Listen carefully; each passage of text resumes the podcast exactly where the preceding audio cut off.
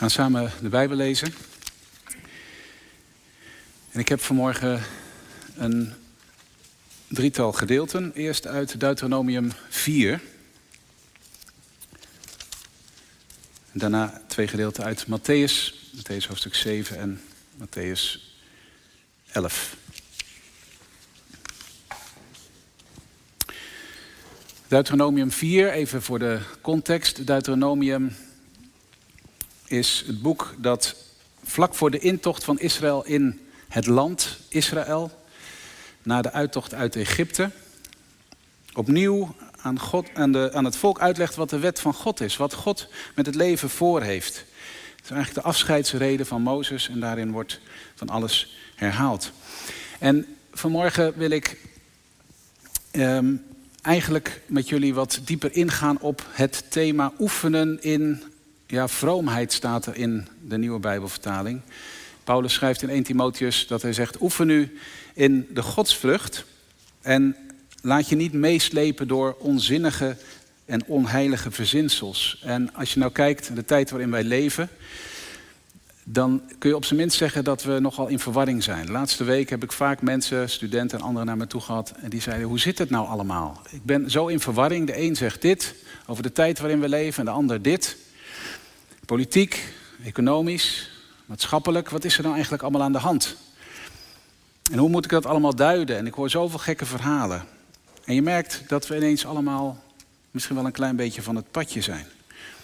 We eigenlijk niet meer zo goed weten hoe we verder moeten. Maar misschien ook wel zomaar omgaan. Als de wereld ingewikkeld wordt of als het tegenzit. Als we ineens niet meer alles kunnen doen wat we willen. Nou, daar gaat het vanmorgen over. In die tijd leren wij van Jezus hoe wij verder moeten. We lezen eerst Deuteronomium 4, vers 1 tot 10. Er staat het volgende. Luister Israël naar de wetten en de regels waarin ik u onderwijs.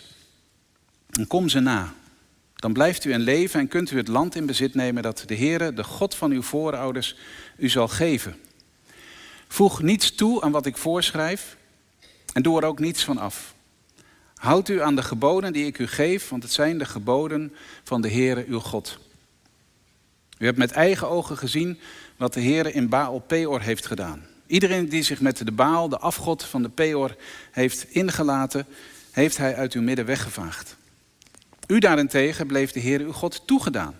En u bent nu allemaal nog in leven. Zoals de Heere mijn God mij heeft opgedragen, leer ik u wetten en regels waarnaar u moet handelen in het land dat u in bezit zult nemen. Leef ze strikt na, dan toont u wijsheid en inzicht. En alle volken die dat zien en die van deze wetten horen, zullen zeggen: Wat is dat grote volk wijs en verstandig? Want welk volk, hoe groot ook, heeft goden die zo dichtbij zijn als de Heere, onze God? Telkens als wij Hem om hulp vragen. En welk volk, hoe groot ook, heeft wetten en regels zo rechtvaardig als het onderricht dat ik u nu geef? Wees daarom gewaarschuwd en neem u zorgvuldig in acht, zodat u nooit vergeet wat u met eigen ogen hebt gezien, maar de herinnering daaraan levendig houdt en alles aan uw kinderen en kleinkinderen doorvertelt. Vertel ze hoe u bij de Horeb voor de Heer uw God verscheen, nadat hij tegen mij had gezegd, roep het volk bijeen, dan maak ik hun mijn geboden bekend. En dan leren ze ontzag voor mij te hebben, zolang ze leven. En brengen ze dat ook hun kinderen bij. Tot zover de lezing uit het Oude Testament. Wij lezen in Matthäus 7. Matthäus 7, vanaf vers 21.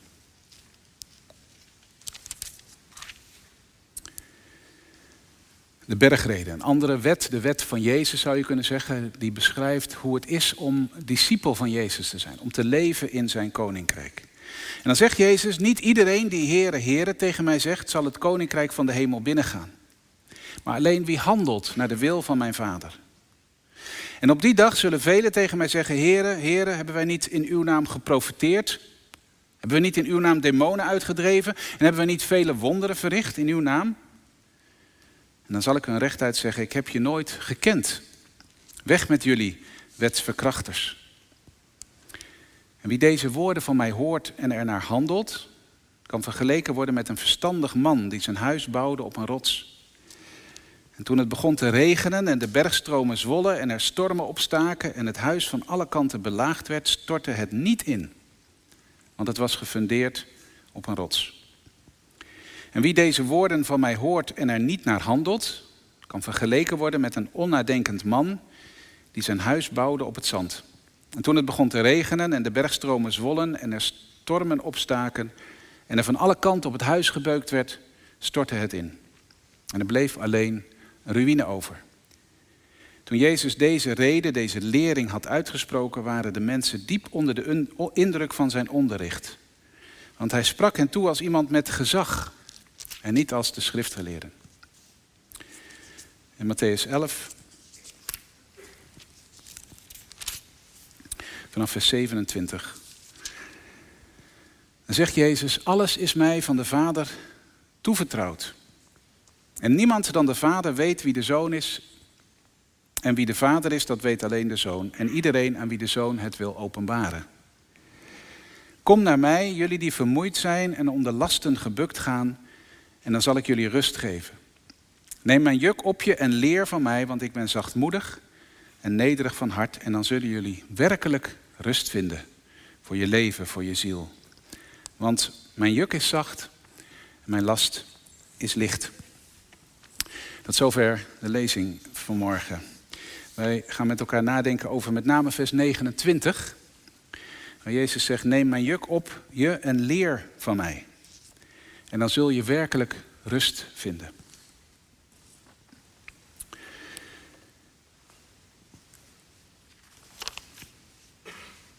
Gemeente van onze Heer Jezus Christus. Ik zei het net al, we zijn vandaag in verwarring. En soms lijkt het wel een beetje alsof we zijn zoals die man met zijn huis. En het begint een beetje te stormen, en het begint misschien nog wat heftiger te stormen. En gelijk heb je het gevoel dat de grond onder je voeten vandaan verdwijnt. Dat je geloofshuis, je levenshuis, ineens heel onzeker is. Misschien wel dat je het gevoel hebt, het is het afgelopen anderhalf jaar totaal ingestort. Wat geloof ik nou nog? En vanmorgen wil ik met jullie nadenken over hoe kun je nou wel een stevig fundament krijgen? Hoe kun je als gelovige je blijven oefenen in ja, Paulus zegt vroomheid, godsvrucht, dat is een, een beetje een oud woord. Maar dat betekent zoveel als een leven dat volkomen toegewijd is aan de Heere God, waar Hij centraal staat. Dat is een leven van godsvrucht. En Paulus zegt, dat komt je niet aanwaaien. Het is niet zo van, nou, ik, ik geloof en ik, ik ga zitten, ik ga elke week naar de kerk of ik kijk naar de livestream. En dan zit het wel oké. Paulus zegt, het vraagt oefening. Het vraagt iets van ons om in die, in die vroomheid, in dat leven met God waar Hij centraal staat, om je daarin te oefenen, om daarmee bezig te zijn. En een van die dingen om daarmee bezig te zijn, naast het je telkens weer naar God toekeren, het bidden elke dag, is ook wat Jezus hier benoemt. Het leren. Leer van mij. En Jezus zegt dat tegen mensen die net als wij in een hele onzekere tijd leefden. Tijd van het Romeinse Rijk. Uh, Israël had het gevoel, we hebben nog steeds niet de vrijheid in ons eigen land om God te dienen. We zitten onder een vreemde heerschappij. Dit is niet zoals God het bedoeld heeft. En er waren allerlei verschillende stromingen die zeiden wat er dan wel moest gebeuren om het op te lossen. De een had een, een mooi apocalyptisch visioen over het einde van de tijden. De ander trok zich terug in de woestijn en zei laten we maar mediteren en ons, ons verre houden van die onheilige eh, Romeinen en het land dat niet meer is zoals God het bedoeld heeft. En de fariseeën zeiden, je moet nog beter je best doen. Nou, wat harder je best doet, nog wat beter je houdt aan Gods geboden en alle geboden die wij erbij bedacht hebben, dan komt het vanzelf wel goed. En mensen waren in verwarring. Wat moeten we nou eigenlijk? Hoe moeten we daarmee omgaan? Ze voelden zich ook onder druk staan. Want als het allemaal van jou afhangt, het is zij in de woestijn dan mediterend, of het zij met wapens om de Romeinen te bestrijden. Het hangt allemaal van jou af. En dat geeft zo'n druk. Mensen waren vermoeid en in verwarring. En tegen die mensen zegt Jezus, leer van mij. Het eerste waar ik wat over wil zeggen is waarom is het dan nodig om van Jezus te leren? Wat is het doel van dat leren? Want Jezus zegt, als je van mij leert, wat gebeurt er dan? Dan zul je uiteindelijk werkelijk rust vinden. Nou, je zei het al, ik kom hier ook even voor een uur rust. Maar wat is dat dan, die rust? Ik weet niet waar u aan denkt bij rust. Ik denk bij rust inderdaad aan even niks hoeven doen. Op de bank zitten, misschien een serie kijken, een mooi boek lezen, een avondje chillen, uitgaan, uitrusten, op vakantie gaan. Dat zijn de dingen die bij ons, tenminste bij mij wel vaak bovenkomen als het gaat over rusten. En toch is dat niet waar het in de Bijbel over gaat als het gaat over rusten. Rusten heeft in de Bijbel een hele andere betekenis. Rusten gaat over al die dingen die niet opgelost worden als je een uurtje op de bank zit of als je op vakantie gaat. Rusten gaat over datgene waardoor ons leven wordt ontwricht. In het begin staat er al dat God op de zevende dag rustte. U kent het, na de schepping God rust. Maar dat is niet dat God zei, ik ga eens even op de bank zitten en uitrusten en ik, ben, ik moet even bijkomen. En rusten heeft daar de betekenis van je verheugen in wat af is. Waar niks meer aan hoeft toegevoegd te worden. Wat compleet is. Waarvan je weet, het is goed. Het is oké. En rusten in de Bijbel heeft altijd die betekenis. Dat, dat je leven veilig is. Dat het niet meer bedreigd wordt. Jezaja zegt het zo mooi. Je zegt op het moment dat de geest wordt uitgestort, dat is een belofte die Jezaja geeft in Jezaja 32 van God. Als de geest wordt uitgestort, zal de woestijn een vruchtbaar veld worden. En dan zal het recht wonen in de woestijn. En wat is daarvan dan de vrucht? Dan zegt Jezaja, de vrucht van de gerechtigheid zal vrede zijn. En de uitwerking van gerechtigheid rust en veiligheid tot in eeuwigheid. Wanneer is er dus rust? Rust is wanneer alles op orde is, op Gods orde. Dat is gerechtigheid. Dat de dingen zijn zoals God het bedoeld heeft. Dat jouw leven is zoals God het bedoeld heeft. En dat je dus niet langer hoeft te jagen naar nog meer, nog beter. Je te bewijzen. Je niet langer gekweld wordt door de dingen die je, die je misschien wel verkeerd gedaan hebt. Die, die tussen jou en God in staan. Je niet langer gekweld wordt door de zorgen over, over je kinderen, over je partner of over jezelf. Want waar lig je nou ten diepste echt wakker van s'nachts? Tuurlijk, dat is soms je werk. Dat zijn de dingen die moeten gebeuren. Dat is ziekte. Maar waar lig je nou ten diepste echt wakker van? Dat is het, gevoel dat je leven betekenisloos is. Dat het afloopt en dat het uit is. Dat je er eigenlijk niet mag zijn. Dat je eigenlijk denkt, mijn leven is is één grote puinhoop. Ik heb het verknald. Dat zijn de dingen die in je leven blijven vroegen. Het diepe verlies dat je dingen hebt kwijtgeraakt, bent kwijtgeraakt die nooit meer terugkomen. Daar gaat het over als Jezus zegt, kom tot mij en ik zal je rust geven. Want het tegenovergestelde van rust is dus niet vermoeidheid, is niet dat je even niet meer kan. Het tegenovergestelde van rust is dat je verloren gaat. Dat alles zinloos is, dat alles verdwijnt. Dat het geen waarde meer heeft en dat het weg is.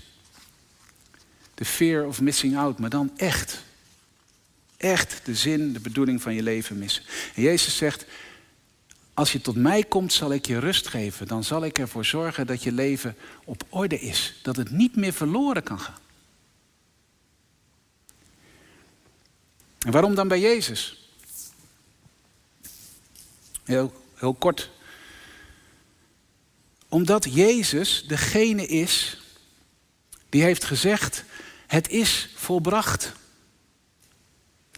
En dat is hetzelfde woord als wat God zei in Genesis toen de schepping af was. Het is voltooid, het is af. En dat is nou precies waar het om gaat bij rust.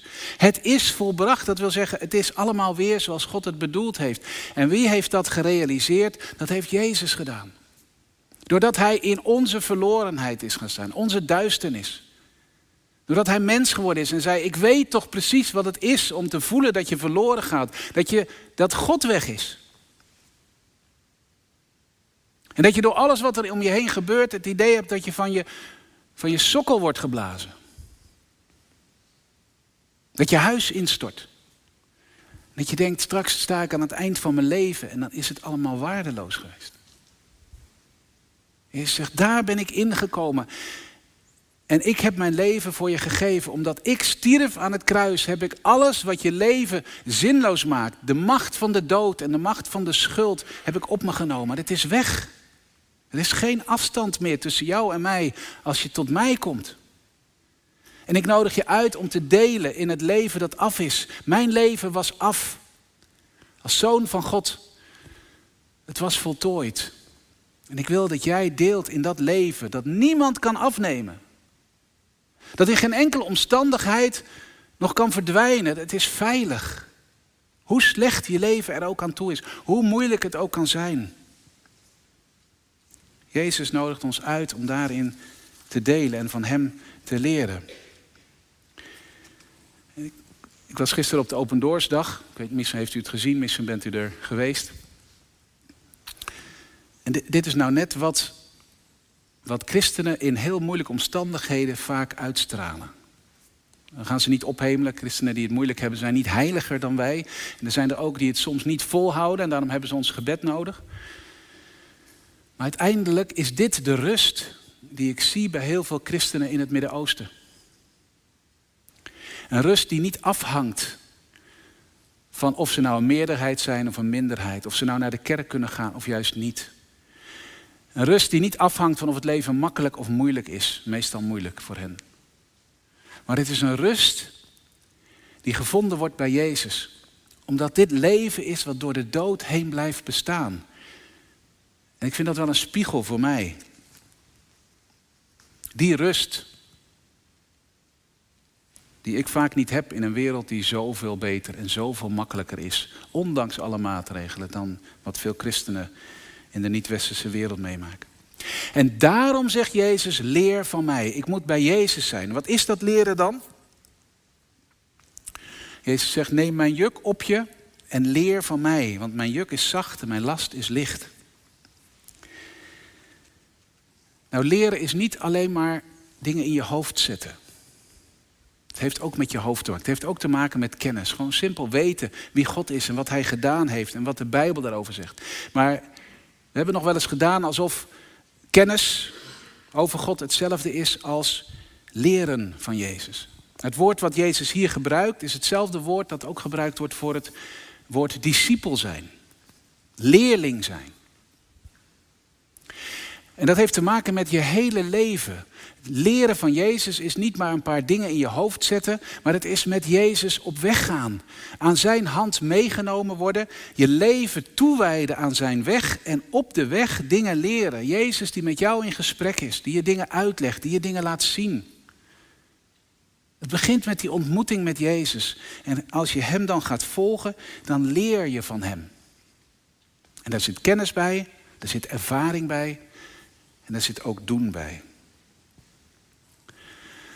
Want uiteindelijk, en dat hebben we gelezen in Deuteronomium 4, is het doel van dat leren niet alleen maar dat we dingen weten.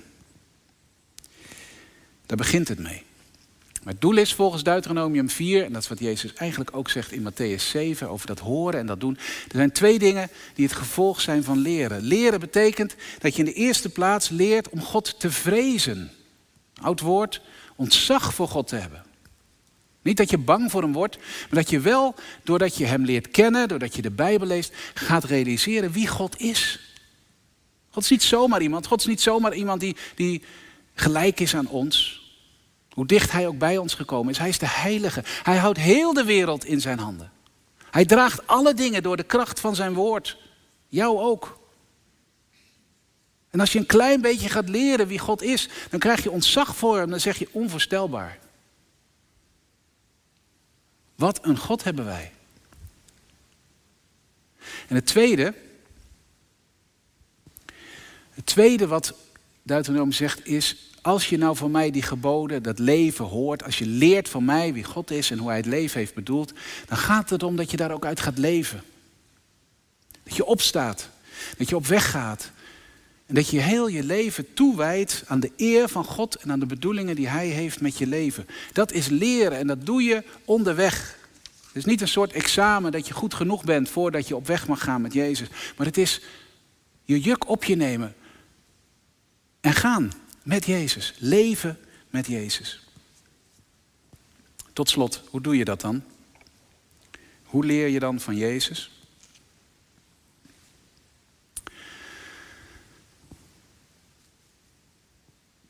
Als Jezus zegt, ik geef je niet alleen maar een verstandelijke kennis, een leer, maar ik geef je in de eerste plaats mijzelf. Dan betekent leren van Jezus dat je dus ook elke dag aan zijn voeten zit, bij Hem bent, naar Hem luistert. We hebben de neiging, tenminste ik wel, om in dit leven vandaag de dag de kracht in mijzelf te zoeken. Allerlei coachingstrajecten, allerlei ja, uh, trainingsprogramma's zijn erop gericht om te kijk nou eens wat voor kracht je in jezelf hebt. En dat is waar, misschien hebben we soms meer kracht in onszelf dan we denken. Uiteindelijk red ik het daar niet mee. Uiteindelijk is het niet waar ik me goed bij voel, wat ook goed is in Gods ogen. En Jezus zegt, kom nou bij mij en leer nou van mij. Zit aan mijn voeten en luister met je hart en met je hoofd en met heel je wezen naar mijn bedoelingen met jouw leven, met ja, mijn bedoelingen met deze wereld. En ga daar dan naar leven. Oefen je in de godsvrucht. En voor mij betekent dat eigenlijk dat je dagelijks de Bijbel zou moeten lezen. Ja, moeten. Ik kom nog uit de tijd dat ik mijn vrouw brieven schreef. Sommigen van jullie herkennen dat misschien nog wel. Sommige mensen zeggen, wat is hier überhaupt een brief? Maar goed, dat terzijde. En ik weet dat zij, wij waren een, een periode uh, op twee kanten van de wereld. Een maand of drie. En we schreven elkaar brieven. En dat duurde dan net wel een week voordat die brief aankwam. En nu piepen we al als een appje niet binnen één minuut aankomt. Een week. En het duurde weer een week voordat ik antwoord kreeg.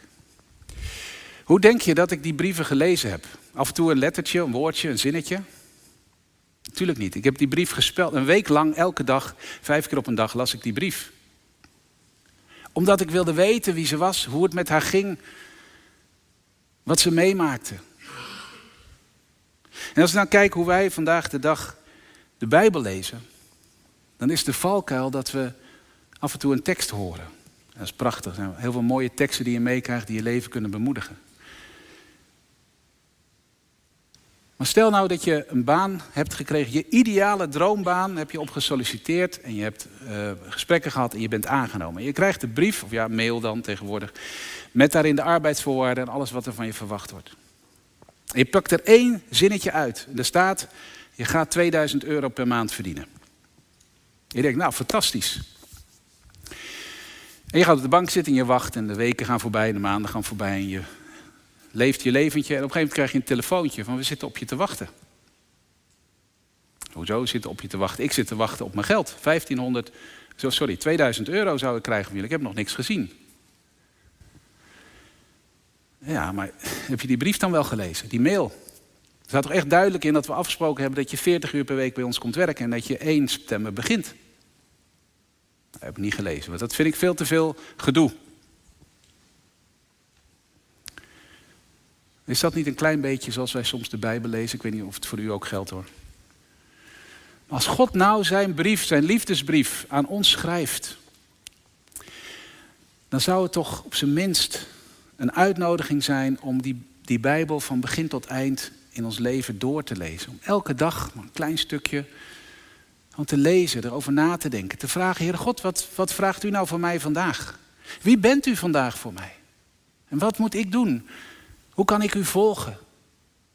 Welke keuzes moet ik maken in mijn dagelijks leven? Als wij van Jezus willen leren, dan moeten we ook bij Hem zijn. Dan moeten we ook ons verdiepen in wat Hij dan heeft gezegd. Dan is het belangrijk dat we ons leven laten vullen met Zijn woorden en met Zijn Heilige Geest. We gaan zo het lied zingen, er is geen afstand. En dat is waar. Tussen God en ons. Als Jezus gekomen is en zijn leven gegeven heeft om ons rust te geven. Om bij ons te zijn. Is er geen afstand vanuit Hem. We mogen altijd opnieuw bij Hem terugkomen. En dat is ook de uitnodiging voor morgen. Kom bij mij en leer van mij om rust te vinden. En toch zou ik ook willen vragen, als we dat lied zingen, denk eens na over hoe je leven is vandaag. Want als je nooit aan Jezus voeten zit, als je altijd maar je eigen weg gaat, als je nooit eens van Jezus leert, dan is het misschien soms wel zo dat er wel afstand is. Niet van God uit. God zegt, je bent welkom. Je mag terugkomen, altijd. Ik ben er. En als je aan mijn voeten zit, is er geen afstand. Als jij aan het andere eind van de wereld leeft, de andere kant op gaat, dan zul je toch ook afstand merken. Dus het lied wat we zo gaan zingen is ook een uitnodiging. Eigenlijk een onderstreping van deze woorden. Jezus zegt, er is geen enkele afstand van mij naar jou. Maar kom dan tot mij, neem mijn juk op je. Sta op en volg mij. En je zult rust vinden voor je ziel. Zullen we stil worden? Heer onze God, trouwe Vader, wij danken u dat u ons uitnodigt om rust te vinden. Om werkelijk ons leven gered te zien. Om gered te worden van alles wat ons leven ontwricht, stuk maakt. En u kent ons persoonlijk, u weet welke dingen in ons leven tussen u en ons in kunnen staan, welke dingen ons leven onderuit halen. En wilt u alstublieft uw Heilige Geest aan ons geven, zodat we niet van u weglopen, maar enthousiast worden om elke dag, al is het maar een paar versen, te lezen uit uw woord. En heel de, de Bijbel te leren kennen met wat u daarin hebt geschreven als uw bedoelingen. Opdat we u gaan eren. Opdat u het centrum van ons leven wordt. En opdat we dan ook een getuige worden voor de wereld. Dat heel de wereld tegen ons gaat zeggen: Hoe houden jullie het vol in deze tijd? Hoe kan het dat jullie zoveel rust hebben, zoveel wijsheid? Hoe kan het dat jullie niet zomaar van slag zijn en omwaaien als het stormt? En dat we dan kunnen laten zien en zeggen dat het komt door Jezus. En dat het zichtbaar is in ons leven, Heere God, dat we, dat we U als het centrum van ons leven hebben en daarom ook de rust vinden dicht bij U, die niemand en niets kan afnemen. Dat bidden we in Jezus' naam. Amen.